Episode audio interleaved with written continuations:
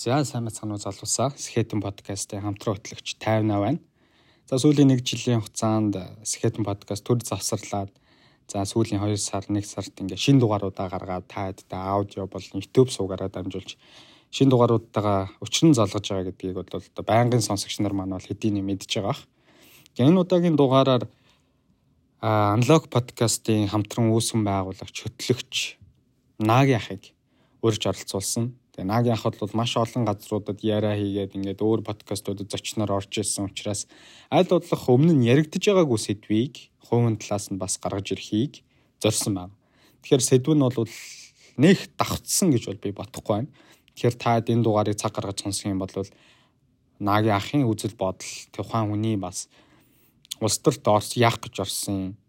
Улс төр гэдэг энэ институтд юу хийх гээд явж байгаа юм гэдэг Миний хувьд жоохон бас бүдүүлэгчд юм шудраг асуусан асуултуудад хариулт авах гэж бодож байна. За тэгээд дээрэс нь боловсролын зээлийн сан сүүлийн үед бас нийгэмд халуухан сэдв болоод байгаа. Эдгээр асуудлуудыг бол хөндөж ярьсан.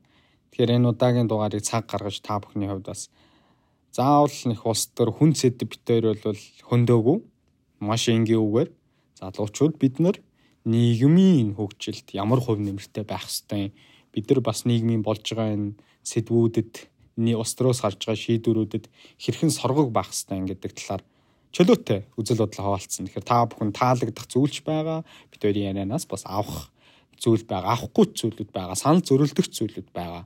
Тийм учраас та бүхний цаг гаргаж сонсоосаа гэж хүсэж байна. Ингээд хэдүүлээ шин дугаараа хамтдаа эхлүүлцгээе. Сайн байцгаана ихэм сонсогчдоос Хэтэн подкастын цааш шинэ дугаар хийж байна. За энэ удаагийн дугаараар Unlock подкастын хамтран үүсгэн байгуулагч хөтлөгч Наги ахыг урьж оролцуулаад юун төрөнд бид бид бүхний урилгыг хүлээж авсан баярлалаа. За ингээд За та бүхэнд бас орой минь. За ингээд өрсөлдөгч подкастт рейтингийн үсгэд орж байгаа да баяртай байна. Бидний хувьд нэр төр яриг байлаа баярлалаа. Манай студид цаг гаргаж авсан. Та чинь тэгтээ Монголын бүх подкастыг дуусгасан баха. Бараг манай хамгийн сүүлийнх нь ах шүү. Ер нь үүгээр ингээд гол өрсөлдөгч хамгийн сүүл. Харин тийм ээ. Тань ингээд подкастад орох хамгийн сүүлийнх нь булган сүүлийн манайх хааж штэ. Гэтэ Skeleton podcast ингээд удаан хугацаанд ингээд завсарсны эцэст ингээд үргэлжилж байгаад маш баяртай байгаа. Баярлалаа. Энэ ч гэсэн аналог подкастыг бас бид нэр илүү жоох идэвхчихтэй хөшүүрэг болж өгч гин гэж. Тэгэлгүй аа бостой боломж олох хэрэгтэй шүү дээ. Бай бүгд ноён оргил дагаад байх болохоо ш. Энэ зах зээлийг бас бостой боломж олох хэрэгтэй авах. Бид дэдэг байх хаа зөндөл подкаст хөрөнгө гаргах шиг боллоо тэгээ. Бидний хүснээр л ихэнх нь алга болсон. Замын дундаас. Угаасаа манайх манайх хоёр хамгийн ууган байгаа. Хамгийн тууштай явсан хоёр подкаст бол яг аналог скетийн хоёрын дугаарынхын тоогоор аваад үзэхээр танах манахаас хэдэн дугаар илүү явдаг байсан. Одоо танихгүй. Одоо манах гүйцсэн. Хэд боллоо? Одоо манах 153 4 дугаар дугаар болцсон. Танах хэд болж байна? Энэ 136. 136 тийм. Танах утахгүй үзчихлээ юм байна. 137 ч юм уу тийм байгаа. Нөгөө дугаарынхын хувьд аль нь төрүүлж орохоос хамаарна тийм. Тийм. За баярлалаа. Тэгээ шууд гол асуулт руугаа ороо. Та ер нь энэ тентхийн одоо таны яриануудыг ярилцлагыг одоо TEDx дээр ярьсан яриануудыг сонсохоор За би хөдөөний хүн, хөдөөнийхөө хөдөөнөөс гадалтай гэж брэнд үг их ашигладаг те. Тэгэхээр ер нь одоо та хөдөө болон хотын ялгааг ер нь юу гэж харж байна? Монгол улсын хувьд шүү. Энэ хот хот хотоо хөдөө болон хотын ялгаа гэж ер нь юу юм бэ? Юу юуг нь авч үзтээ. Өнөөдөр хэр ялгаа байна? Одоо таныг Ховд аймгийн Жаргалан цуманд одоо тухай дунд сургууль төгсөж байхад ямар байсан? Одоо та бас сүүлийн үед Ховд аймгаар нэлээд ажиллаж байгаа шиг байна. Одоо ерөнхийдөө боловсролын ялгаа ч гэдэм үү хөгжлийн ялгаа гэдэг талаас хэр зайтай байна хоорондоо юу за зүгээр ингээ хүн амаар нь бодоод зэрэг Улаанбаатар ч одоо ер нь 30 жилийн өмнө одоо Улаанбаатарын хүн ам нэг 586 мянга байсан бэл. Одоо өнөөдөр хэд вэ? 1.5 буюу 3 дахин өссөн те. А тэгсэн мөртлөө нэг ерөөсөө ийм л юм болчиход штэ. Улаанбаатар хот тэгээд босдно гэдэг те. Тэгэхээр яг ганцхан нийт газар нутгийн нэг 0.3% дээр хүн ам яхсан ингээд хоорондоо түгжрээд тэг бөөгнөрүүд ингээд амьдраад байна л та тий. Тэгэхээр энэ процесс сүүлийн 30 жил бол маш хурдтай явчлаа шүү дээ тий. Магадгүй хазгаа бодлого юм бас үр дүн тий. Аа тэгэхээр одоо ерөөсөө хитрхийн нөгөө хөгжлөнтэй Улаанбаатар руу гэж чиглээд а тэгээ хөдөө орон нутаг гэтээ яг одоо ч манай ховдтой харьцуулах юм бол ховд жишээлбэл сүүлийн тий одоо за намайг хүүхдээснээс хойш нэг 10 10 20 жилд тий. Одоо өнөөдөр за 15 20 жилийн өмнө одоо хүлээж аваад одоо ингээ очлоо те. Тэгэхэд бол жишээлбэл яг хуу барилга одоо бид нар чинь хөгж хотын хөгжлийн хамгийн түрүүнд юугаар хэмжээд нөхөр нэг баригдсан барилга те. Тэгээд гүн гүзэмж хараад штэ. Тэгэхээр тэрний хувьд ч гэсэн ховдтой айгүй их барилга баригдсан байлаа. Тэ бас нэлээд тэр талаасаа хөгжсөн. А гэхдээ энэ хоёр хөгжлийн ялгаатай гарах тусам одоо жишээлбэл олон салбарууд дээр ажиглагтаад байл та. Магадгүй тэр одоо жишээлбэл түрүүн зах цогц дурдчихсан боловсрал тий боловсролын боломж боловсролын боломж нь Улаанбаатарт байна уу одоо бас ховдод байна уу гэд харах юм бол ихэнх боломжууд дандаа хот суурин газар уу Улаанбаатар руу төвлөрсөн. Тэгэхээр энийг бид нар бодлогын хөвдөж гэсэн үнэхээр засгаар өөр засгаас өөр гарцгүй болж юм л та. Улаанбаатарын хөгжлийг цаашаа явуулах юм бол хөдөөгийн сэргэлт ярихаас өөр гарцгүй. Тэгээ хөдөөгийн сэргэлт ярихаар Улаанбаатарын төвчрлийг ярихаас өөр энэ хоёр чинь нэг засны хоёр нэг болчихж байгаа. Тэгэхээр ерөөсөн Монгол улсын хөгжил гэдэг чинь тэр чигээрээ тэгээ одоо нэг Улаанбаатарын төвчрийг одоо янзлна гэдэг чинь тэгээ хөдөө хөдөө орон нутгаа бид нэр а одоо шин цоо шин төвшөнд гарахгаас өөр байдалгүй ийм хөгжлийн төвшөнд л очсон л байл л та. За хөдөөгөөс гаралтай гэж шууд хэлчих. Би ч өөрөө бас өдөр тэгш дээ. Хөдөөгөөс гаралтай залуу хаа байсан Америк нэгдсэн улсад 4 жил бакалаврын зэрэгтэй Макалестрийн коллеж үлээ сургууль гэж үзсэн. Макалестер коллежид боловсрал эзэмшсэн. За тухайн үед тэр боломжийг ер нь яг яаж бий болгоо. Яг зөвхөн бусад газруудаа маш их ярьсан. Гэхдээ тухайн үед тэр хөдөө орон нутгаас одоо Монтурк гэдэг сургуульд одоо 8 дугаар анги 9 дугаар анги ахлах сургуультаа сурж байгаад англи хэлийг тодорхой хэмжээнд эзэмшээ гадагшаа сурах ямар боломж өгдөг гэдэг тэр боломжийг олоод харсан байна шүү. За тэгж явжгаад Америкийн нэгдсэн улс гэдэг улсыг яагаад сонгохоор болсон юм? Макалестер гэдэг коллежийг яагаад сонгохоор болсон юм? А магадгүй тухайн үед олцсон боломж нь тийм байсан болохоор байгаа боломжтой тааруулж тухайн сонголтыг хийжсэн? Яг яг нэгдүгürt Америкийг сонгосон гэж тийм. Тэгэхээр тэн дээр одоо яг тухайн үед би Европт сурдаг гэсэн л Европт чинь 10 жилийн програм штэ. Сүүл одоо нэгсэндээ их сургуулийн өмнөх 2 жилийн програм. Тэгэхээр тэнд сурж байхдаа ер нь гадаадын сургуулиудыг харахад те ерөөсө хамгийн ихэнд биднэрт одоо тавих шаардлага чинь би одоо манай хоёр тех одоо хөдөө ховдод байгаа тэр хоёр хүн одоо би гадаадад аль ч оронд те сурсан миний төлбөрийн чадварыг төлөх боломжгүй юм чинь. Тэгэхээр бид нар би тэгэхээр хамгийн түрүүнд төлбөрийн чадвараасаа шалтгаалаад надад хамгийн тэтгэлэг өгөх боломж хаана вэ гэдгийг хайж байгаа юм л да. Тэгэхээр тэр нь өөрөө одоо бусад оронтой харьцуулах юм бол Америк бол Америкийн сургуулиуд тэг хамгийн тэтгэлэг хамгийн сайн тэтгэлэг өгөх боломжтой хувилбарууд. Тэгэхээр Америк нэг ойлгомжтой сонголт болчихж байгаа. За хоёрдугаарт нь бол тэгвэл аль Америкийн сургуулиудад илүү тэтгэлэг өгөх боломжтой гадаадын оюутнуудад дэмждэг. За тэгээд миний бас оноох хүрэх вэ гэл одоо нэгсэндээ сонголтоо багасгасаар байгаад тэн дотроос надаа яагаад ч Макалстер коллеж маш их таалагдсан. Тэгээ би чи ганцхан сургууль руу өглөө гэсэн дээ. Макалстер коллеж руу нэг early decision буюу те одоо нэгсэндээ бусад хүүхдүүдээс илүү өмнө тэгээ өргөдлөө өгөж арай жоохон шанстай байдаг тийм хувилбар байгаа. Тэгэхээр тэр одоо эрт хувилбар руу өргөдлөө өгöd тэгээд азар шууд тэнцсэн л дээ. Тэгээд миний хувьд бол одоо аав ээжийн тэр чинь Америкч нэг давуу тал байна шүү дээ.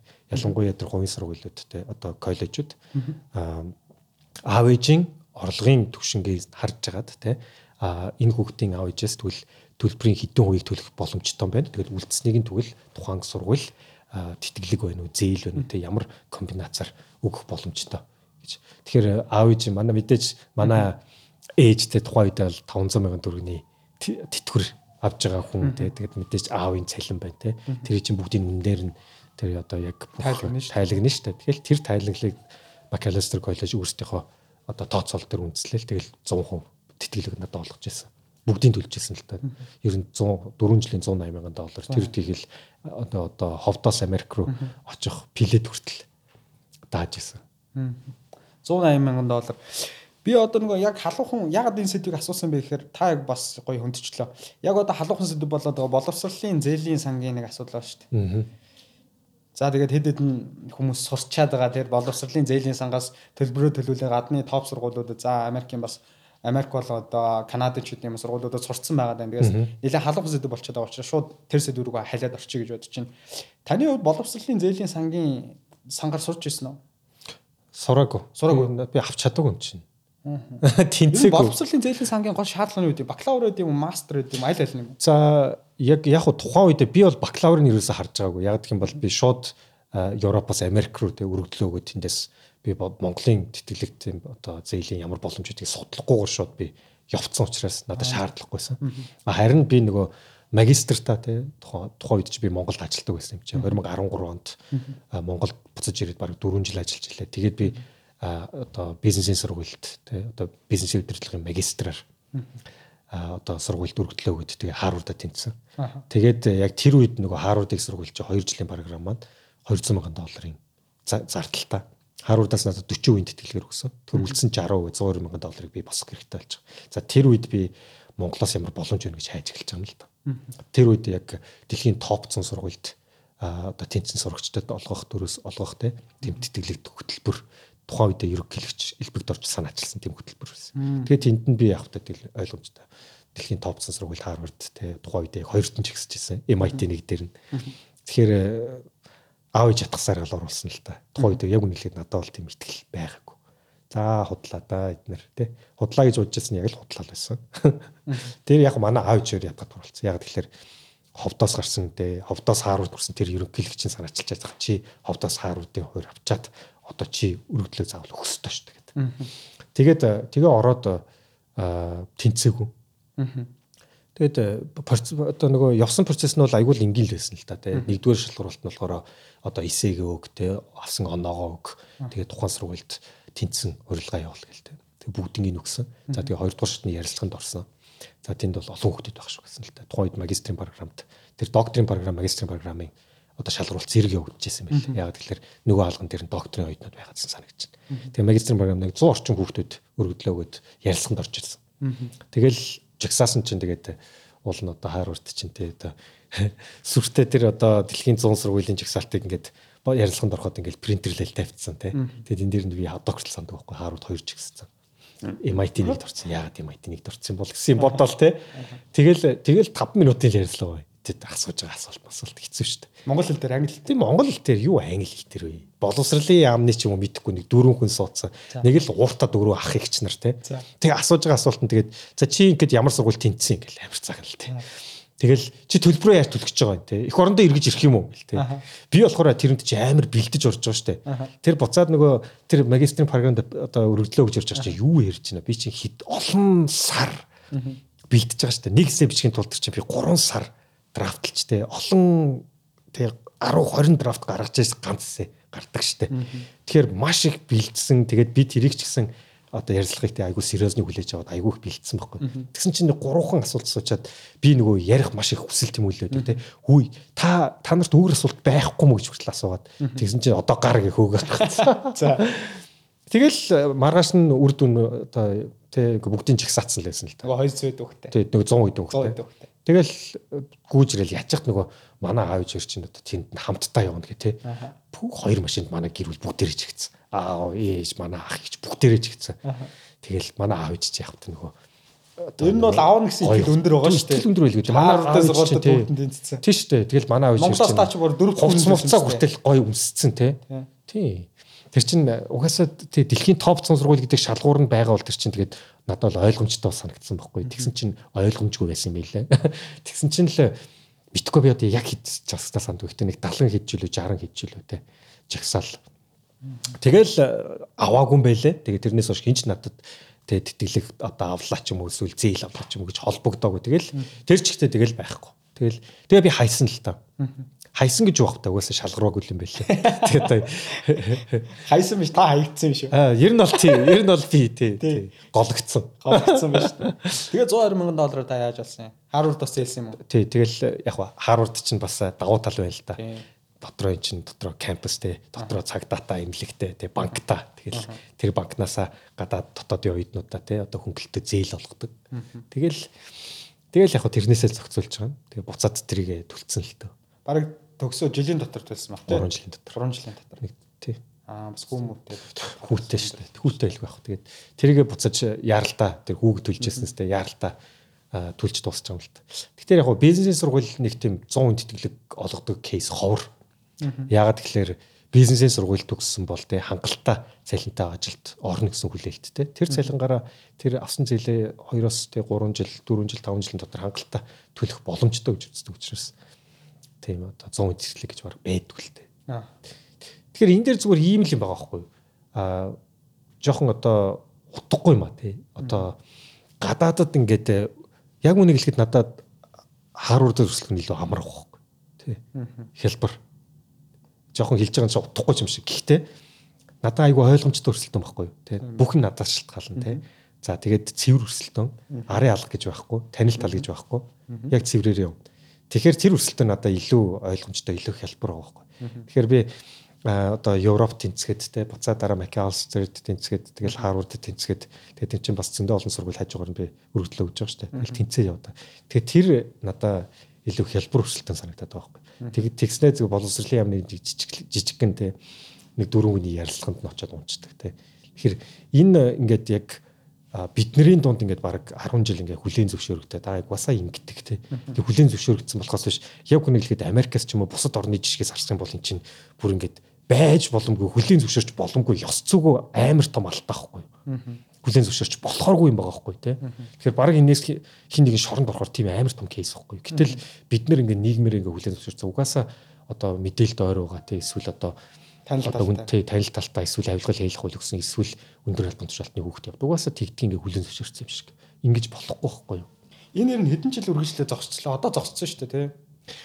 Тий, одоо одоо яг зогссон би яг одоо яг сайн мэдэхгүй. Гэхдээ одоо сая боловсролын сайд энэ бүх мэдээллийг ингээд нээлттэй ил тод ингээд зарлцлаа штэ. Тэрнээс бид нэр ингээд одоо ойлгож эхэлж байгаа байхгүй. Урд нь ингээд би сонсож явахнаа янз бүрийн сонсож ирсэн л та. Тэр үеийг л MIT-д те одоо урилга урилгатай хүүхэд шалгуултанд ороод тэгээ тэр урилга нь хуурамч болж таарсан. Яасан гэсэн чинь шалгалт авч ясан нэг багш нь MIT төгссөн те. Тэгээ нэг MIT рүү холбогдоод ийм хүүхэд төгссөн юм гэсэн чинь урдаас нь үггүй гэ те. Тэгээ баригдчихсэн гэж дуулж исэн байхгүй. Тэгэхээр тухайн үедээ би итгэхгүй арайч тийм байхгүй л үү те. Тэгсэн чинь одоо ингээд бүх мэдээлэл ингээд ил тод болсны дараа үнэхээр л болсон л зүйл юм байна. Тэ тэгж энэ чи бодтоо одоо Америкийн тийм топ сургуульттай тэнцсэн гэдэг өрлөг хуурамчаар хийж аваад тэр тэтгэлгийг аваад гадаад очингуудаа хэлний курс гоноо. Чи одоо зоригтой тий амар зоригтой байгаа. Тэ эн чинь бүр хүлэн зөвшөөрч болохооргүй тийм кейс үдэлтэй. Тэгээд тэгээ амар зоригтой байна. Тэгээд энэ нь ингээд явсаар байгаад тэгээд нэг ингээд юу штэ ингээд уулаас өнхөрч байгаа цастай эхлээд ингээд явах тусмаа улам томроод тэрүүнтэй адилхан ингээд бид нар энэ ингээд жил болгон ийм ёс бус шудраг ус юм тохиолдоод гар. За за угаасаа л ингэдгийн гэдэг тийм баг normalize болно гэдэг шүү дээ. Баг ингээл өдөр тутам байдаг юм шиг хүлээж авдаг л иймэрхүү болж байгаа юм л да. Тэгэхээр гэтээ энэ хизээж болохгүй л дээ. Тэгэхээр энийг засыг гэх юм бол одоо яг л энийг би юутай холбож ойлгоод байгаа. Сая ингээд сүүлийн хэдэн сарын засгийн газраас баахан юм зарлалаа л та тий. Одоо нүүрсний хулгай гэл тий. Хөгжлийн банкны хулгай гэл. Одоо тэгэл боловсролын зээлийн сангийн боломжийн хулгай л баггүй. Тэгэхээр энийг ингэж энэ одоо ингээд бухшдсан олон жилийн юм ингэж засахын тулд ингээд бүр дэвшилтэд шинжилэл ингэж салхи оруулахын тулд бүгднийг ил талд болгож зарлаж тэ олон нийтээр ойлгохоос өргөцгөө энэ ингээд өөрөө хамгийн түрүүнд хийгдэх хэвээр ажил болж байгаа юм л да. Одоо энэ дээр ийм нэг ийм кейс гарч ирээд байгаа юм л да. За саяны асуудал бол маш олон жил ингээд явцсан л асуудал байсан. Мэдих нэг нь бол мэдчихсэн тийм ээ. А мас бол сая мэдээ гаргаад дэлгэнгүүт ерөнхийдөө нилээн нийгмийн сүлжээгээр шуурч эхэлж шүү дээ. Яагаад өмнө гаргаж тавиагүй юм бол яагаад энэ цаг үед гаргаж тавьж байгаа юм? Тэр нэг би бас тэрийг асууж байгаа. Яагаад одоо яг гоо энэ дээр бас нэг иймэрхүү тайлбар байгаа. Одоо нөгөө нийтийн мэдээллийг ил тод болгох тухай хууль батлагдсан те. Тэгэхээр тэр хуулийн бас давуу тал нь одоо гарч ирж байна те. Нэгдүгээр. За тэгэд хоёрдугаар дахьтай яг энэ дээр бас ингээд юу юм та. Тэгээд улс төрийн тохиромын улс төрийн зориг те. Тэгэхээр яалтчгүй одоо сүүлийн 6 сар бол маш олон том те. Одоо жишээлбэл манай уулуурхай салбараас бол оргил тэр хулгай тэр Эрдэнэс таван толгой юм л та. Тэгэл энэ бүгд бүгд зарлагчлаа шүү дээ. Ер нь бол тий. Хөгжлийн банк байна. Их найдаар яригдж байгаа юмнууд зарлагдсан байна шүү дээ. Тэгэхээр гэхдээ Эрдэнэс таван толгойд IPO хариуцсан захирлаар байлаа. Тий. Тэг би 2 сар хагас. 2 сар. Тэр чинь гэхдээ саяны энэ асуудлуудаас өмнө байсан уу? Цаг хугацааны дарааллын хувьд таанаас. Цаг хугацааны дараалал тэр чинь бүр 2010 7 8 7 8 он тий. IPO хийнгээд тий шийдвэр нь гараад тэгээд яг IPO хийх чинь одоо миний хувьд бол яг нөгөө банкнд ажиллаж байхдаа тий яг л одоо хөрөнгө оруулалтын банкирийн хувьд одоо яг хийдэг ажлуудыг нэг л асал та тий. Тэгэхээр үнэхээр Эрдэнэс тавталгаа тий IPO хийх юм байна гэдэг анх итгэлтэй л орж ирсэн. Тэгээ 2 сар ажилласан ба. Тэгээ ер нь бол тий 2 сар ажиллаад ер нь явцгүй гэдгийг ойлгоод өөр надад тэнд тий одоо жишээлбэл үлдэх ямарч сонирхол одоо тий сонирхол ашиг сонирхол ч юм уу хүсэлтэй байхгүй болохоор шууд гарсан. Эргээд боловсролын сангийн зээлтэй холбоотой юм ахад ер нь бол гол шаардлага нь бол уг нь тэр зээлийг за танил талаараа байна ямар процессор яваад авсан нь байна хамаагүй эргэж ирээ төлөх хэрэгтэй үстэй. Аа. төлөвлөсөх юм. Яг энэ дээр хоёр хоёр хэлбэр байх шиг юм л та нөгөө гэхдээ бид нэр scholarship гэж ярьдаг те тэтгэлэг гэдэг. Тэтгэлэг гэдэг маань ерөөхдөө бол одоо төлөх шүү. Төлөх тий одоо танд одоо шууд өгж байгаа тийм мөнгө хэлбэр шүү дээ тий. За одоо монголоор бол баг тэр буцалтгүй тусламж гэж яриад байгаа шүү. За хэрвээ тэрэнд боловсролын зээл бол тий эргэж эргэж төлөгдөх нөхцөл яригдана л та. Тэгэхээр Америк ч гэсэн байдаг шүү дээ. Нэг бол тэтгэлэг, нэг бол зээл. Эсвэл энэ хоёр энэ хоёрын комбинац тий комбинац байдаг тий. Тэгэхээр бас тэтгэлэг гэдгийг бас янз бүрээр ойлгоод тах шиг байна л да тий. Ер нь одоо жишээлбэл гадаадд яагаад тэтгэлэг байдаг вэ? Тэтгэлгийн яг мөн чанар нь юу гэх юм бол эн чинь тухайн хүүхд тухайн сургуулийн шаардлагыг хангаж тэнцчээд а санхүүгийн чадвар нь хүрэхгүй байгаа тохиолдолд тэр санхүүгийн орон зайг нь нөхөж олгодог мөнгөн тусламж чинь тэтгэлэг шүү дээ тий. Тэгэхээр санхүүгийн чадвараас бол дийлэнх нь хамаардаг тий. Яг нь мэдээж бас нэг юм хэлбэр байдаг л да. Санхүүгийн чадвар үл хамааран үнэхээр хичээлтэй те одоо онцгой авья байгуулсан ч юм уу те тэр тохиолдолд бол ингээд шууд 100 үед тэтгэлэг бэлэг болгоч ч юм уу гэдэг тийм тохиолдлууд байна. Гэхдээ ховор штэ. Ихэнх тэтгэлгийн одоо мөн чанар нөгөө шалгуурт нь эцэдэг мөртлөө ар гэрийн санхүүгийн чадвар хүрхгүй тохиолдолд тэр орон зайг нөхөж олгодог. Зүйл чинь тэтгэлэг байхгүй. Гэтэл бид нар тэтгэлэг гэдгийг ер нь тэгж ойлгохгүй байх гэж би үзэж байгаа. Яг гэх юм бол чадвартай айлын хүүхдүүд хүртэлцэндээ яваад штэ. Энд чинь буруу буруу зарчим штэ. Тэ. Тийм ээ. Улс төр нөдөө бүх этгээдүүдийн одоо чи нэг ийм асуудал тань энэ дээр та илүү өөрийнхөө хувь хүний үзэл бодол талаас нь хариулаас гэж бодож байна. За улс төр нөлөө бүхий ямар нэгэн албан тушаал эрхэлж байгаа ч гэдэм үү тэр тухайн шийдвэр гаргуулахад нөлөөлөх этгээд гэж хүн байна. За тэр хүний хүүхэд магадгүй сурлагаар ур чадвартай байж болно. Үнэхээр яг ч тэр сургуульд нь үнэн боддоор явах хөстэй замаар яваа тэнцсэн.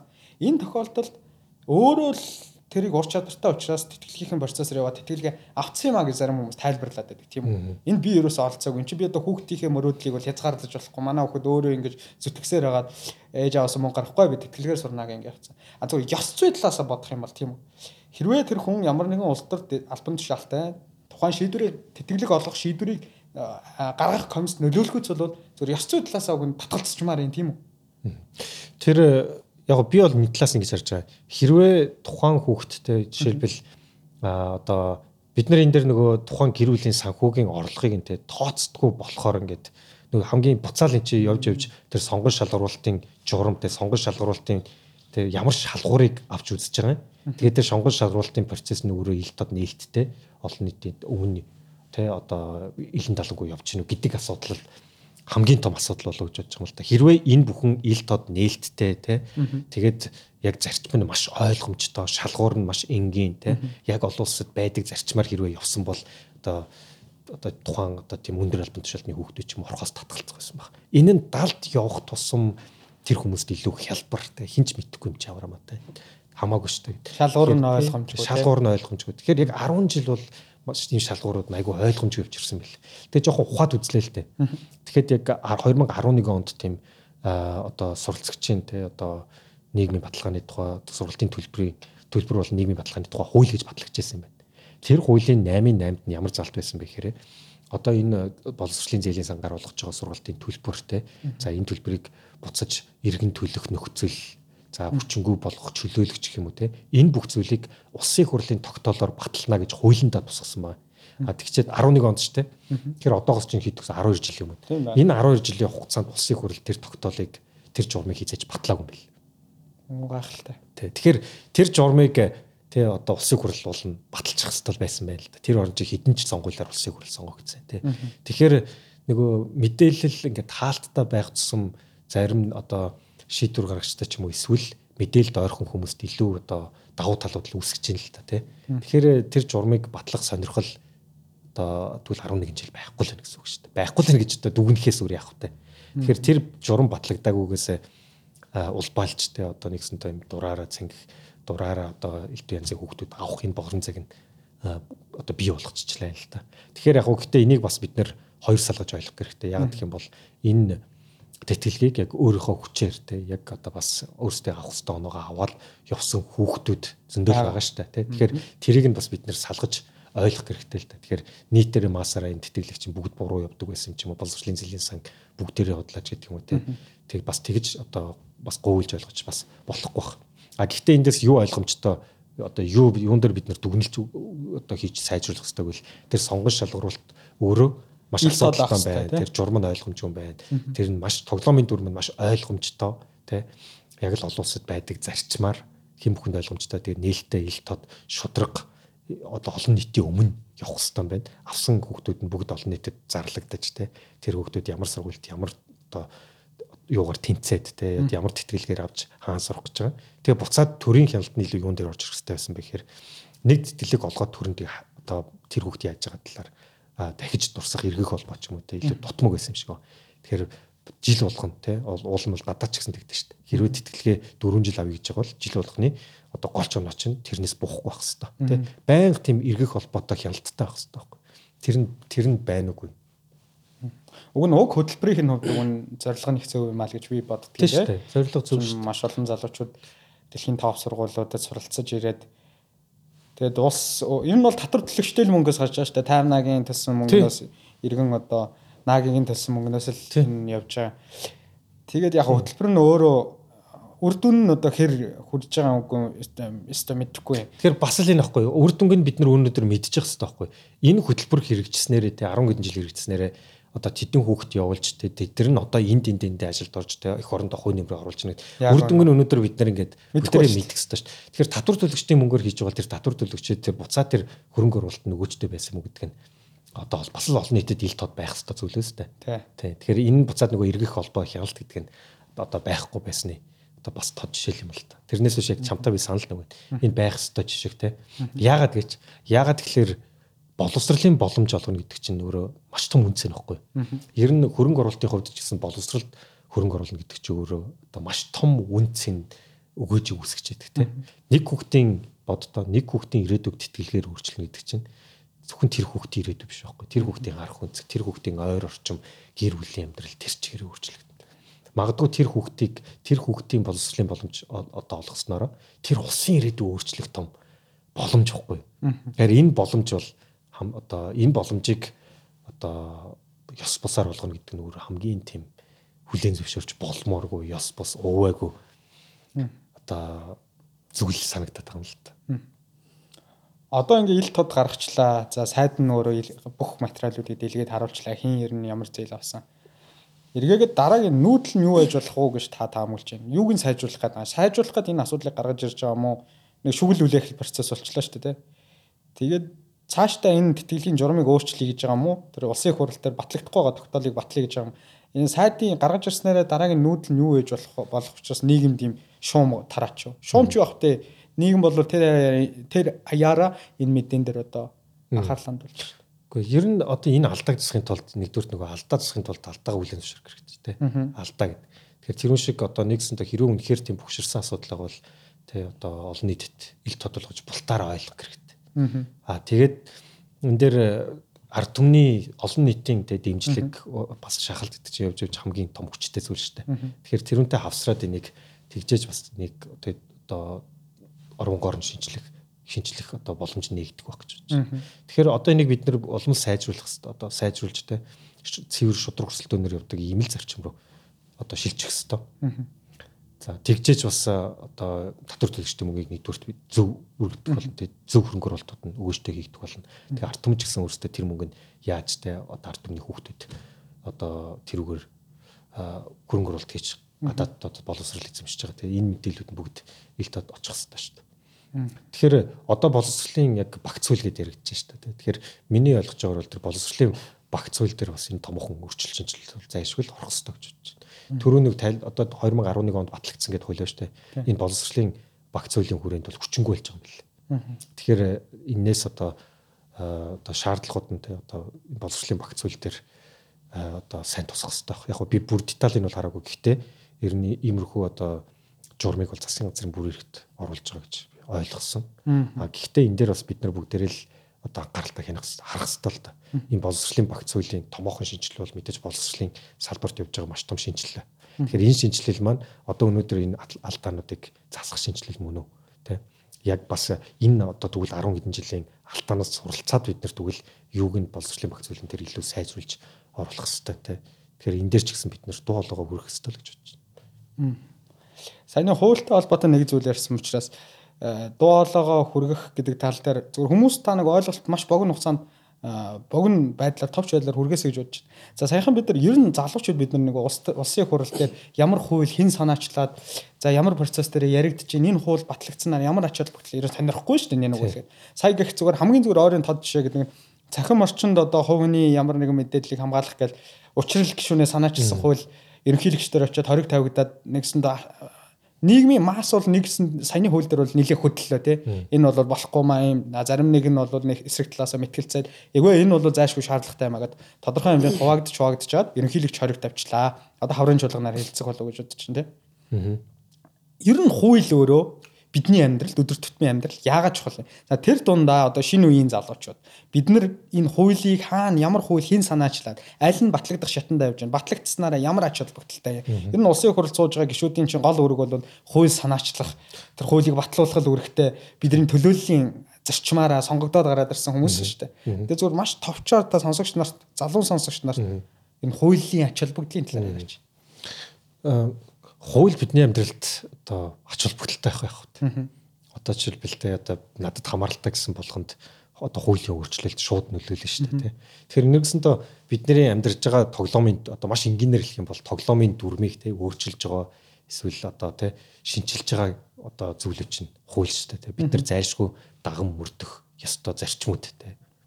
Тэгэхээр нэгэнтээ бидний амьдралд шууд нөлөөлж байхад бид нар өөрсдөө оролцохгүй бол тий одоо хин нэгний санаагаар л бидний тоглоомын төвмийг өөрчилнө гэсэн үг шүү дээ.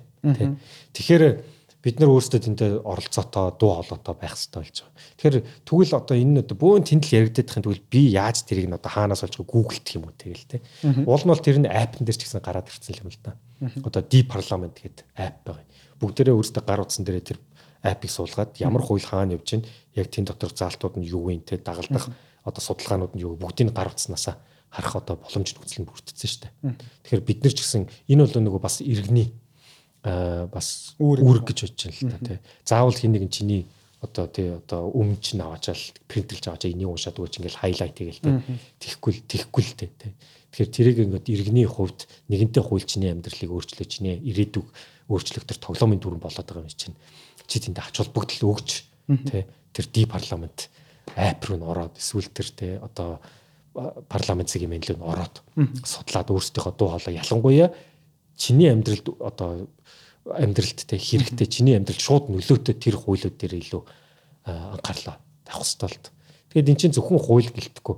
Яг тэр хуулийг хууль баталж байгаа нөхдүүд шүү дээ. Тэгээд тэрийг сонгох процесс чи яг гар бие оролцсон уу гэд өөрөөс нэг асуух хэрэгтэй шүү дээ. Тэгээ сонгуульд гэсэн чинь баг одоо энэ үзэгчдийн одоо үзэг залуучуудыг та нар өөрсдөө бодоод үзэх юм бол айгүй олон залуучууд одоо оролцсноос санахгүй байгаа. Тэгэхээр нөгөө чи оролцохгүй бол хин нэгэн те одоо чиний өмнөөс очиод санал өгвөл чиний хүсээгүй хүнийг сонгоол. Тэгэл чиний хүсээгүй хууль батлагдаад чиний амьдралын дүрмийг чинь чиний бодоагүй чинь өөрчлөл.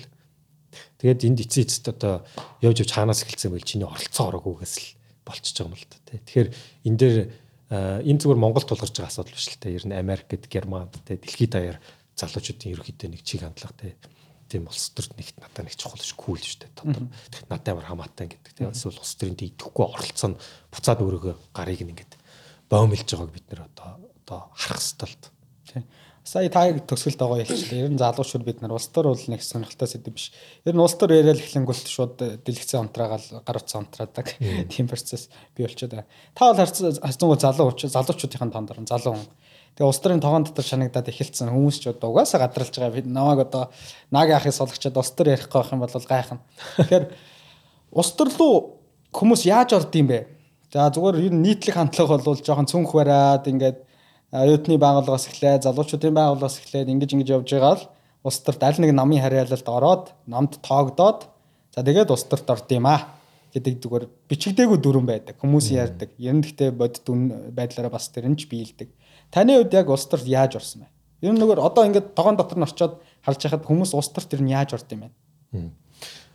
Яг миний хувьд болохоор би 2018 онд те 18 он те 18 онд те одоо Монголд эх орондоо ирэхээ шийдсэн те сэтгэлийн дуудлага гаралтай хөргий. Тэр үед чи хамаг ажиллаа хаяал. Монголд ямар ч ажлын байр тэ санал байхгүй тэ ер нь бол юу очиод юу хийгээд сайн ойлгохгүй л тэгэл ирсэн дээ.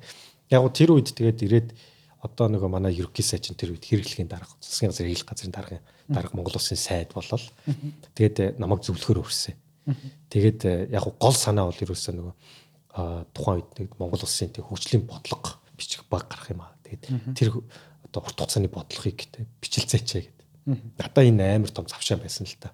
Зүгээр улс төр гэхээс илүүтэйгээр яг бодлого тодорхойлоход те бодлогын бичиг баримтан дээр алдна гэдэг нь надаа одоо бичиг баримтан дээр ажиллана гэдэг нь надаа айгүй тийм сонирхолтой тийм маш сонирхолтой санагдсан л та. Ягаад гэх юм бол бизнесийн сургууль сурч байсан ч юм уу тийм бусад улсаас урсаас харж байсан тийм бусад улсын хөгжлийн талаар их уншиж байсан мэдээлэлтэй буцаад Монгол улсын хөгжлийн бодлогон дээр тусгах гэдэг нь надад бол амар том үнцэн байсан байхгүй. Тэгэл тэр ажлын хэсэгт нь ороод яг өнөөдрийн одоо Монгол улсад хэрэгжиж байгаа нэг алсын гараа 2000 Монгол улсын урт хугацааны хөгжлийн бодлого одоо энэ гарахад бүр ерөнхий сайд хүрэлцгийн захирамжаас нь эхлээд драфтлаад те яг батлагдах хүртэл нь бүх процессд нь ингэж те оролцож оролцож ингэж нь миний улс төрийн одоо баг гараа юм уу та. Тэгэхээр яг улс төрд орно гэхээс илүү надад бол тэр бодлого бичилцгээд те зөв тодорхойлоход асуудлыг шийтгэхэд тэнд гар бие оролцсон гэдэг нь надад хамаагүй л утга учиртай байгаа юм л та. Тийм л тиймэрхүү л утга учир ерөөхдөө бол би хайж тийм одоо эх орондоо ирсэн. А тэндээс зүгээр одоо цалин мөнгө ч юм уу те илүү тиймэрхүү тийм тиймэрхүү марсан бол магадгүй би хувийн секторт өндөр цалинтай ажиллаад явчих байсан байх л та тий. Тэрнээс л үүдээр зүгээр нөгөө яг миний сэтгэлийн утсыг үндсэн тэр илүү утга учиртай байгаа тий. Өгөрийнхөө толгой дотор одоо олон 10 жил бодож исэн тэр уншиж исэн сурч исэн зүйлээ цаасан дээр буулгаад яг Монгол улсын хөгжилд хэрэгтэй тэр өнцгөөс нь орхон те тэр нь одоо бодлого бичлцэг тэр өнцөг надаа одоо хамгийн утга учиртай байсан нь одоо ус төрлөө орох тэр гол гол шалтгаан юм л та. Тэгэл тэрнээсээ дараа нь бол нөгөө дэд сайдаар томлогдол тэгэл явсан шүү дээ. За таны хувьд бол ороход харьцангуйгааг байсан. Яг л таач өөрөө бас боловсрал өндөртэй гадны гадны улс одоо Сиднейд Нью-Йоркт хоёр том улсад ажиллаад үзсэн. Тэгэхээр топ сургуулийг төгсөөд үзсэн учраас бүр өргөдөж те энэ хүний потенциалыг ашиглая л гэж нэг өстө дуудсан ба шүү дээ. Ерөн зүгээр улс төрд орох нь би зөв тань шиг кейстер биш. За ангийн залуучууд энэ улс төрд ороход хэр хэцүү вэ? Одоо та улс төр дотор орохгүй бүр стресстэй ажиллана уу? Зөвхөн хүмүүс нэг бол гоё ажиллана уу? Улс төр яг улс төр гэдэг өөрөө айгуу тийм хийсвэр үгэлтэй үгэл байл та тий бүх юмыг улс төр гэсэн тий. Тэгэхээр яг хуу одоо энэ дотор чинь бидний одоо сонгосон арчилсан нийгэм чинь тий одоо олон намын тогтолцоотой нийгэм тий. Нам гэдэг чинь өөрөө улс төрийн институт ч тий. Тэгэхээр надад бол юу гэж харагддаг гэхээр за Монгол ардын нам тий. Бараг 100 гаруй жилийн түүхтэй тий. Тэр 100 жилийн түүхийн явцдаа тий байнга шинчлэгдэж явсан ийм институт байгаа байхгүй. Институт. Тэгэхээр мэдээж энэ яг л бусад нэг хувийн одоо organization гэж толторхолтой шүү дээ. Ямар нэгэн альва байгууллагад хуйнч бай. Одоо ашгийн босч бай эсвэл улс төрийнч бай те альва байгууллагад тэ орох зам. Тэгээ буцаад тэрний нэг эд хэсэг болно гэдэг чинь тэр соёлт нь те бас ингэж суралцаж орох нэг л хэлбэр шүү дээ. Тэгэхээр надад бол Монгол ардын намч марчсан бид нэг улс төрийн институт харагддаг. Тэгэхээр яг хуу сүүлийн одоо мэдээж нийгэмд арчилсан нийгэм рүү шилжснээс хоочих тийм 30 жилийн хугацаанд бол ингээд намуудын те одоо төлөвшөлөх юм уу те бас ингээд соёл нэх юм уу те бас янз бүр л янз бүр байсныг одоо өнөөдөр бид нэр ингээд ил тод харж байна л та те. Тэгэхээр үнэхээр л 100 жилийн түүхтэй институт бас а те илүү соёлч илүү одоо төв одоо үгдүүлээ илүү төлөвшсөн те төлөвшсөн соёл нь ингээд бий болцсон үүсээ бий болцсон. Ха тэгээ мөн тэр чинийгээрээ бас байнга одоо өөрийгөө шинчилж шинчилж чаддаг тийм уур амьсгал тэ соёл ингээд тогтцсон институт юм байл л да. Тэгэхээр энд залуучууд ороход одоо янз бүрийн тойрон байгаа нэг төрийн бус байгууллагууд байна те. Залуучуудын байгууллага, оюутныхан байгууллага, эмэгтэйчүүдийн байгууллага байна те. Тэр дотроо бас удирдах зүйл гэж байна. Гишүүд нь төлөөлөгчд нь гэдэг. Тэгэхээр энэ процессор бас орж энэ институцийн бас нэг хэсэг болж те. Мэдээж өөрийн үзэл баримтлал үнэт зүйлээрээ нэгдэх нэгдсэн нэг тийм одоо сайн дурын институт л байгаа юм л та. Тэгэхээр бас тэр одоо төрийн бас байгууллагуудаар дамжиж орсон те маш олон залуучууд, оюутнууд, эмэгтэйчүүд байна. Тэгэхээр эн чинь бүгдээрээ нийлээд одоо Монгол ардын нам гэсэн институт байгаа байхгүй. Та өөрөө улс төрт орох сонирхол байна? Сүүлийн үед жоохон хот нутгаар их яваа да. Би таныг одоо улс төрт нэр дэвшгэ, улсын хурлд нэр дэвших гэдэг юм бол гэж хардаад байна шүү. Би үгүй. Би хардгаж байх улс төрт улс төрт орно гэдгийг би яг одоо яг одоо жишээлбэл би аа За би шууд л асууя. Би одоо жишээлбэл 3 жил децайдер ингээд ажилтсан тийм чи аль руу улс төрт орсон гэж ойлгоод байгаа шүү. За би буруу асуул. Би би буруу асууж байна. Улсын их хурлд нэр дэвших юм дараагийн сонгуулаар. Дараагийн сонгуулаар. Тэрийг тэрийг тэгэл олон нийт шийдэн шүү дээ. Олон нийт шийднэ. А гэхдээ миний хувьд бол миний өөрийн сонирхол бол тийм бас одоо а улс төрт нэгэнтээ одоо бүх хүчээ одоо дайчлаад орсон. Хэрэв би өөрийн хувь нэмрээ оруулах тийм боломж байгаа бол би дээд түвшинд хүртэл одоо оролцох тэ хүсэл сонирхол тэ байлгүй яах вэ? Та өөрийгөө ер нь хэр зарчимч хүн гэж боддог байна? Зарчим ер нь зарчим гэдэг амар чухал зүйл. Яг тэгэхээр хүн ингээд одоо боловсрлоос тий өөрийн хүмүүжлээс ингээд авсан ингээд ноён нуруунууд байгаа шүү дээ тий. Тэгэхээр тэр ноён нуруунууд амьдралын тий одоо нухчаа гэх юм уу тий дээшээ доошоо явж байгаа хэлбэлцэл дунд тий энийг энэ зарчмуудаа тий авч авч үлдэж чадсан хүн урт хугацаанд илүү тий амжилттай амьдрал нь буцаад иргэд иргэд тэр хүнд илүү утга учиртай болдог. Тэгэхээр энийг яг нэг би хөшөрчөөд мэдээд байгаа хэсэл илүү. Тэгээд би энэ талаар айгүй олон нөгөө подкастыг ашиглаад айгүй олон ном уншиж байсан л. Тэгэхээр буцаад эргээд нөгөө явж явж тэр хүн яг одоо өөрийнхөө илүү утга учиртай зүйлдээ үнэнч байж үлдснээрээ өөрийнхөө амьдрал нь амьдралантай илүү утга учиртай. Утга учир нь хилээд эргээд тэр хүнийг ас жаргалтай амьдралтай болгосон яг гол тулгуурууд байгаа байхгүй юу.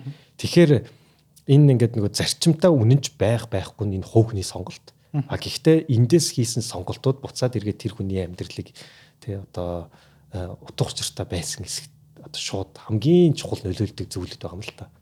Тэгэхээр зарчим гэдэг бол миний хувьд бол хамгийн чухал зүйл тий хамгийн чухал зүйл. Тэгээд зарчимдаа тууштай байна гэдэг мэдээж амаргүй зүйл. Гэхдээ уул нь бидний хувьд бол ингээд заавал биелүүлэх ёстой. Хамгийн том л алхам юм бол аль болох үнэн байхыг хичээдэг л гэсэн юм байна тийм. Таны хувьд тэгэхээр зарчимдаа 95% үнэнч байснаас тий одоо 100% үнэнч байх нь илүү хялбар байдаг гэж. Яг гэх юм бол 100% нөгөө үнэнч байхаар зарчмаасаа нөгөө хүн ингээд урахгүй за энэ удаадаа гаргалчих гэдэг юм уу тийм байхгүй байхгүй юу. Тэгэхээр нөгөө одоо миний уншсан одоо бас нэг сонгодог ном дээр байдаг юм л та. Тэгэхээр зарчимдаа 100% үнэнч байх нь хамгийн хялбар арга байдаг гэж. Нэг талаасаа хамгийн хэцүү юм шиг мөртлөө хамгийн нэгсэнтэй хүнийг хоёр санаа санаа тий болохгүйгээр шууд нэг зарчимтай шууд тууштай үнэн байх хэлээд байгаа юм л та. Тэгэхээр ялангуяа ийм улс төр гэх юм уу улс төр гэхээс илүүтэйгээр энэ ийм асуудал байгаа юм л та. Энэ одоо хувийн сектор дээр бас байдаг маш том асуудал шүү дээ. Энэ нөгөө governance буюу засаглалын асуудал байна. Засаглал гэдэг нь юу гэхээр хэрвээ чи хин нэгэн хүний тий одоо ашиг сонирхлыг төлөөлж сонгогдсон бол төлөөлж ажиллаж байгаа бол энэ дээр асуудал үүсдэг тийм. Яагаад тэгэхээр нөгөө чиний өөрийн чинь ашиг одоо сонирхол байдаг. Гэтэл чиний ажил чинь бусдыг төлөөлж те бусдын ашиг сонирхлыг төлөөлж хийх ёстой ажил те энэ хоёр хоорондоо зөрчилдөд эхлэхээр те зөрчилдөд эхлэхээр ийм зарчмын холбоотойгоор асуудал үүсч эхэлж байгаа юм л та. Тэгэхээр энэ зөвхөн улс төр дээр ч юм уу байдаг асуудал ерөөсөө биш шүү дээ. Америкт байна те. Corporate America гэж ярьдаг. Америкийн хувийн сектор дээр одоо хамгийн том байдаг одоо хүртэл шийдэж чадаагүй тэ асуудал бас л юм шүү дээ. Юу гэсэн үг гэхээр Америкийн томоохон компаниуд бол хэдэн 100 мянган хувьцаа эзэмшигчтэй болцсон байдаг. Тэр хувьцаа эзэмшигчид бүгдээрээ нэгэнтээ компани удирдах явж чадахгүй учраас тэрнийгээ төлөөлүүлж тэ одоо одоо туз бий болгодог тэ. Тэгээд тэр туз чинь болохоор тэр хүмүүсийн эрх ашигыг төлөөлөх хэрэгтэй шүү дээ. Тэр хэдэн сум мянган хүмүүс. Гэтэл тэр хүмүүс чинь бүгдээрээ л өөрөө өөрсдийн хувь сонирхолтой хүн гэдэг амьтан шүү дээ. Тэгэхээр энэ хоёрын хоорондын зөрчилдөөн байна те. За тэгээд тэр компани менежмент байна. Менежмент болохоор тэр компани хувьцаа эзэмшигчдийн одоо ашгийг нь төлөө ажил гэж тэр хүнийг томилж өгч яадаг. Гэтэл тэр хүн одоо тэр хүмүүсийг томилох эсвэл өөрийнхөө эрх ашгийг ботхууг хоорондын зөрчилдөөн байна те. Тэгэхээр эн чинь яг л хаасаагүй байдаг зүйл байхгүй. Улс төр дээр хам илүү одоо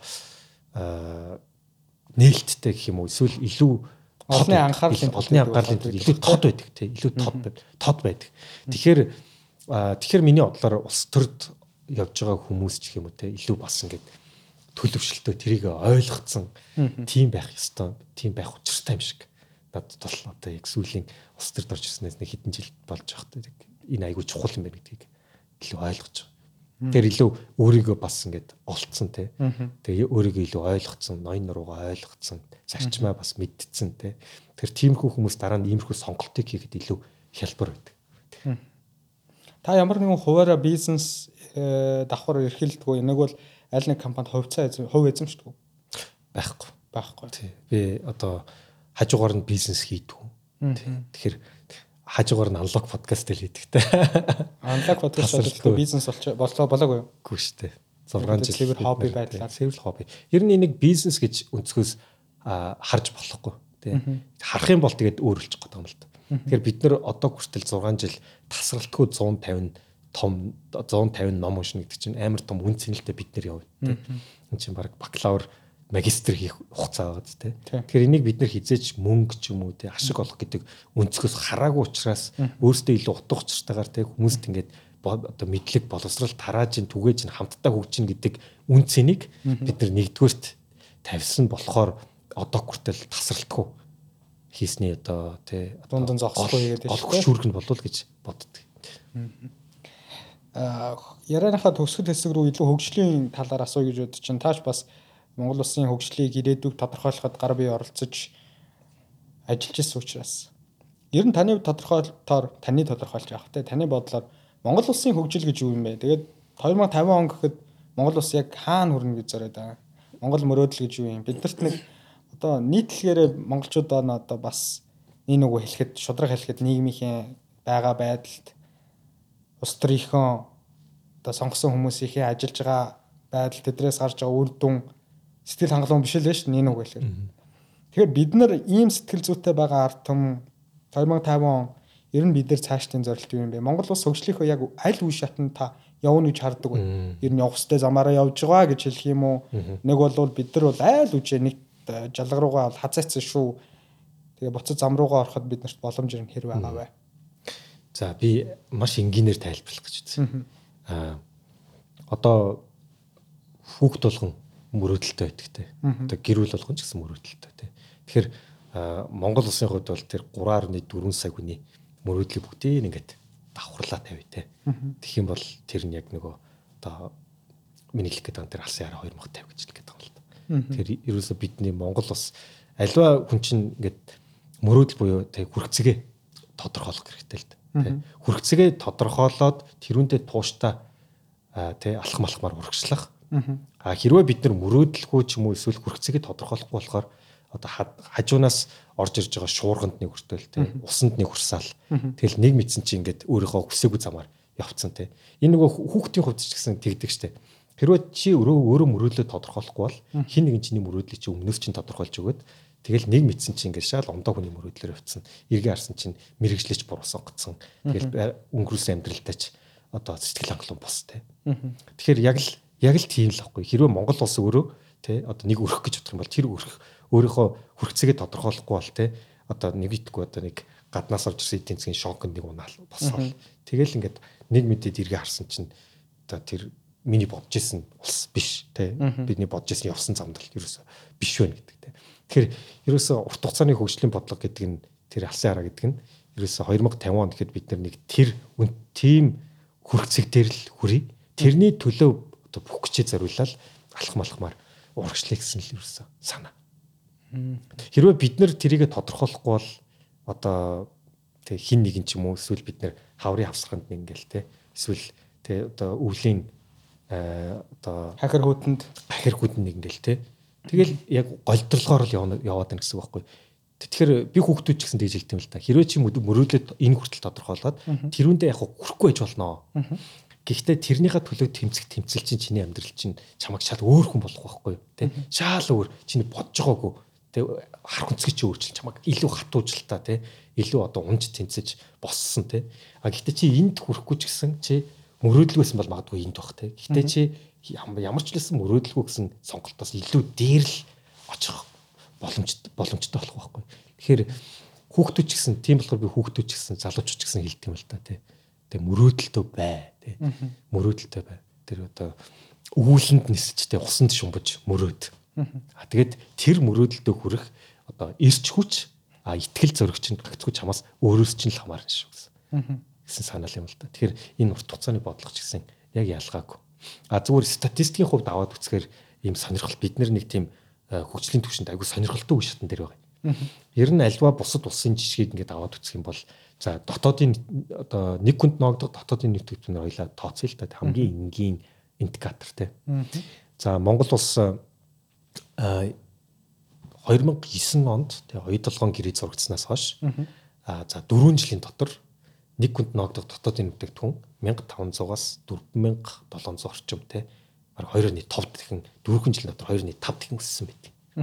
За тэрнээс хойш те 12 оноос хойш те 21 онд хүртэл ер нь 4000 дотроо л ингээ яваадсан гэсэн.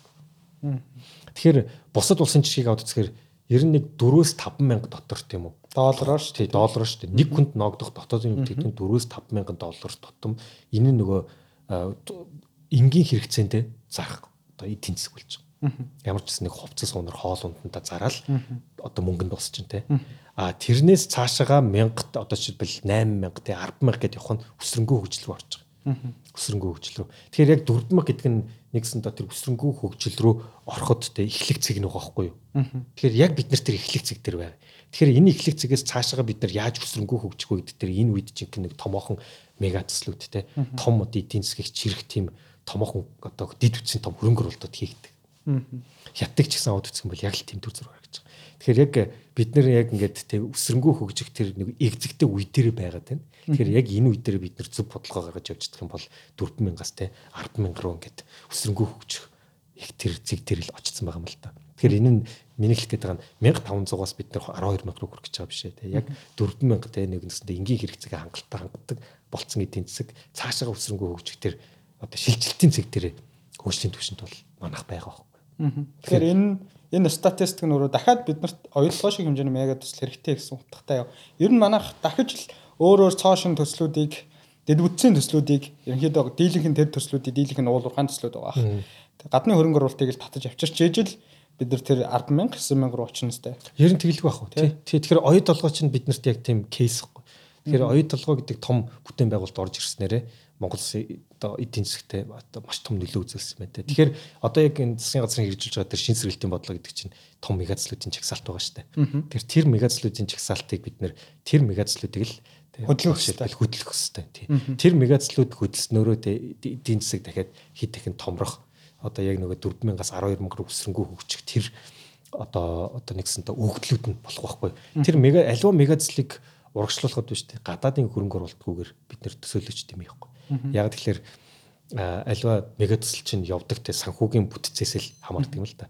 Аливаа хэдэн зуун мянган хэдэн зуун сая долларын мегацлүүд яар дандаа те одоо сонгодог санхүүгийн зарчмууд байгаа. Одоо төслийн санхүүжилт те. Тэрэн дотор нь өөрийн хөрөнгө оруулалтч байна маш том зээлийн хэлбэрч.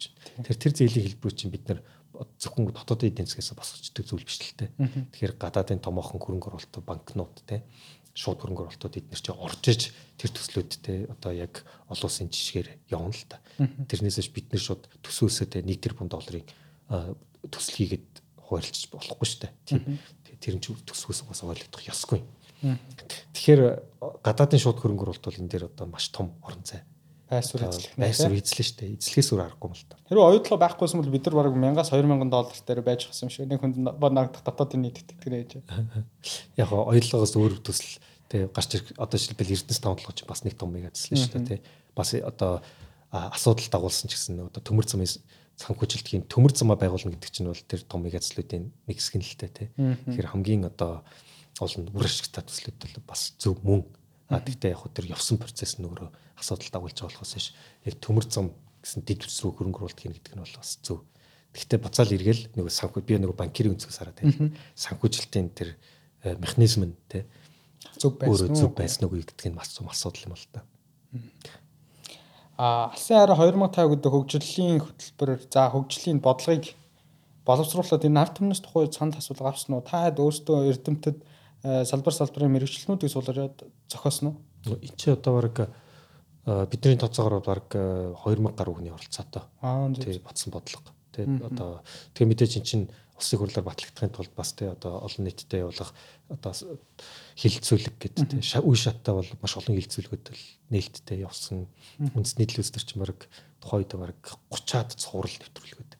Одоо тий олон одоо судлаачид тий шийдвэр гаргагчид ард түмний төлөөллийг оролцуулсан маш том хэмжээний хилцлүүд хилцлүүд гэж нэг хилцүүлгүүд тий одоо явж иж одоо бүтсэн бодлогын бичиг баримт шүү дээ.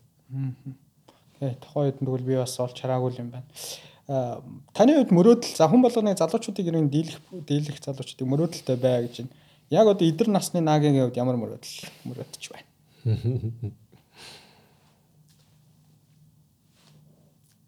Би багахтаа ч гэсэн.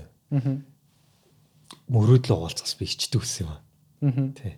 Тухайн үед жишээлбэл би бизнесийн сургуультад бэлтэж явах та бараг 2 жил хүнд огт хэлээгүй. Ер нь бол дандаа санаа зовоод те хэлчих юм бол бүтэхгүй юм шиг те эсвэл хэлэх юм бол хүмүүс шоглох юм шиг болоод ерөөсөө хэлдэггүй байсан юм л та. Тэг яг дандаа бүтснийхэн дараа хэлдэг те. Тэгэхээр надад бас мэдээж те өөртөө тавьсан зориг те алсын хараа хүрх цэгнүүд байгаа. Аа гэхдээ эргээд хамгийн гол нь тэр нь юу гэхээс илүүтэйгээр те буцаад тэрнийхээ төлөө тэмцэж те өөрийн одоосоо алтаатай оноотой ч хамаагүй тэмцэж тэрнийхээ төлөө те одоо ил утга учиртай явах уу тий явах нь л одоо гол зорилго юм да. Хамгийн ойрын зорилго нь дараагийн ерөнхий сайд болох юм шүү та. Богино хугацааны зэ.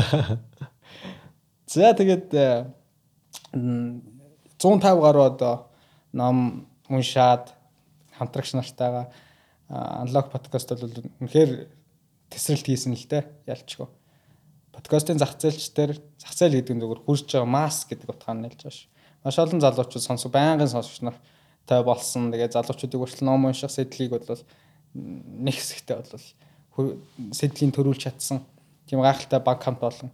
Тэгэхээр энэ 150 хэдэн номны ард багаараа гарахад зүгээр хамгийн час хийсэн за тэр л ном бүх ном бол өөр өөр гэсэн агуулгатай зохиолч нар нь яг ямар санааг илтгэх гэсэн бүгд өөр өөр өөр гэсэн амин сүнстэй байгаах.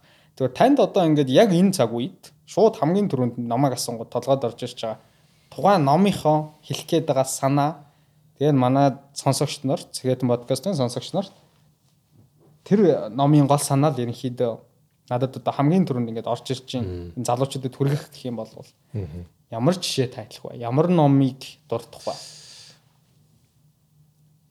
За шууд толгойд орж ирж байгаа юм бол надаа маш ойр миний сэтгэлдээ ойр ном гэдэг юм л та. Тэгээд ер нь бол миний амьдралд одоо томоохон шийдвэрүүдийг гаргахад хөшүүрэг болсон ном би. Аа одоо манай яг сургуулийн алдарт профессор одоо Clay Christensen бичсэн How will you measure your life? Амьдралаа хэрхэн одоо үнэлэн дүгнэх вэ гэсэн ном юм. Ер нь гол санаа нь бид нэр ингээд тий гол санаа нь ингэж байгаа юм л да. Манай сургуулийг төгссөн нөхдүүд ингээд одоо ингэдэж штэ 10 жилийн дараа 20 жилийн дараа ангиараа уулздаг тий.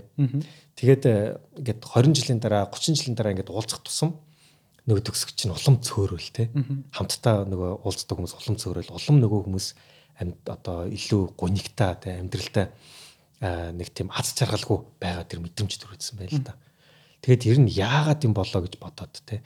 Уулын тэр хүмүүс одоо амьдрал 20 30 жил болохдоо э, карьерийн хувьд те одоо хангалттай мөнгө хийсэн те чинээлэг карьерийн хувьд одоо мундаг том э, компаниудын захирал болсон те ийм хүмүүс байхгүй. Гэтэл амьдралдаа нэг л тийм сэтгэл хангалуун бос, аз жаргалтай бос, гэр бүлээс салцсан хүүхдүүдтэйгээ таардгууч гэдэг юм уу те. Иймэрхүү байдлууд ажиглаж байгаа. Тэгээд багш маань бичсэн тэр ном болохоор ер нь амьдралаа бид нэр ингээд ямар ч байдлаар ингээд өнгөрөөж болно те. Хүмүүс хүний л амьдрал юм чинь баялаг.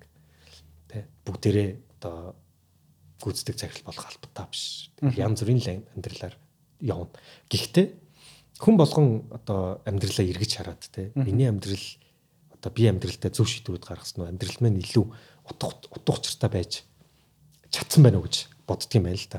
Тэгвэл тэгж өөрийгөө дүгнэхдээ яг тэр зүйлүүдэд би яаж дүгнжээж тэр нь утга учиртай гэдгээ олох хэрэгтэй байна. Одоо тэр дүгнэх нэгж маань юу вэ гэдгээ эртнээс тодорхойлоорой гэж хэмжигдэхүй зах хэрэгтэй байна шүү дээ. Хэмжигдэхүй. Тэр хэмжигт нэгж чинь яг юу вэ? А тэр багш маань болохоор явж явж тэ одоо миний амьдралдаа хийсэн тэр миний амьдралын утга учраа хэмжих нэгж маань хідэн хүний амьдралд би эерэг нөлөө үзүүлсэн юм бэ гэдгээр хэмжих юм байна гэж өөртөө дүгнсэн байдаг. Тэгээ багш хүн байсан болохоор тэгэхээр оюутнууд руугаа илүү цаг зарж тэр хүүхдээ нэг харах өнцгийг нь ч гэсэн өөрчилж чадах юм бол тэр хүнд одоо яг хэмжих нэгж дэрнтэй одоо нэг тооч гэсэн нэмэгдээдтэй амьдрал нь илүү утга учиртай надад болох юм байна. Энэ утга учиртай болсноор би илүү аз жаргалтай амьдрснаа гэдгийг мэдрэх юм байна гэж хэлсэн байдаг л да. Тэгэхээр энэ ном аналог подкастыг надад миний хувьд бол ингээд тэгш хоёртой эхлэх хамгийн том хөшүүрэг болсон ном энэ. Тэгэд манай дээги э, тухайн үедээ Японд сурдаг байсан шүү дээ. Японд сурдаг ш ажилдаг байсан. Японы том компанид ажилдаг байсан. Тэгэхээр тэрийг орхиод Монголд ирэх бас том хөшүүрэг болсон ном байгаа юм л та. Тэгэхээр яг гоо тийм болохоор энэ аналог подкаст ингээд бид нар 6 жил тасралтгүй энийг одоо тий явуулж ирсэн гол шалтгаан л ерөөсөө юм. Тэгэхээр буцаад биднэрт энэ илүү утга учиртай байх юм байна. Эндээс илүү бид нэр тий одоо хамаагүй их үнцийг авдаг учраас тий энэ чинь хоёр тал руу урсж байгаа зам байгаа байхгүй. Тэгэхээр Э, одоо хүртэл хийсэн байт юм лээ. Тэгэхээр энэ номыг аналог подкаст дээр бид нэр уншсан байгаа. Тэгэхээр энийг одоо сонсогчд маань ерөө сонирхож байгаа бол тэр подкастын дугаарыг заавал сонсоод үзээрэй гэж хэлмээр. Окей, баярлалаа. За тэгээ энэ дуусах тал руугаа орж ийн. Тэгээд хоёлаа яг энэ подкаст эхлэхээр хамгийн их юм ярьж байсан. А төгссөн та нөгөө сургуультайгаа эргэх холбоотой байдгүй. Та бол одоо Harvard-ийн alumni буюу төгсөгч гэж гэдэг утгаараа эргээд нөгөө тухайн жилийн төгсөлтийнхээ хүмүүстэй ч юм уу хүрээлэл байгаа шүү дээ тэр хүмүүстэй байнгын харилцаа холбоотой байдгүй. Тэгээ та бас нэг шагнал авч байгаа гэсэн. Шагналж их юм уу одоо би бас э, буруу чилжиж магадгүй. Тэр шагналынхаа тухай яриач би зүгээр эхэнд подкаст эхэнд хоёул хайлт хөндөд ярьсан. Тэр ямар агуулгатай шагнал байсан бэ? Яагаад тэр шагналыг та авахаруулсан? Э 6 сард албан ёсоор зарлагдах юм байлаа. Хоёлаа жоохон төрүүлээ ирчих гэж шиг байна. Гэтэ одоо яг одоо өнгөрсөн. Яг нь манай Макалестер коллежийн шагналыг. Аа за. А би Макалестер коллежид хамгийн анхны Монгол оюутан байсан. Тэгээд э, одоо манайхан бол бүгдээрээ одоо ташраараа таньдаг болсон билээ те. Нөгөө кофе анаа. Тэ.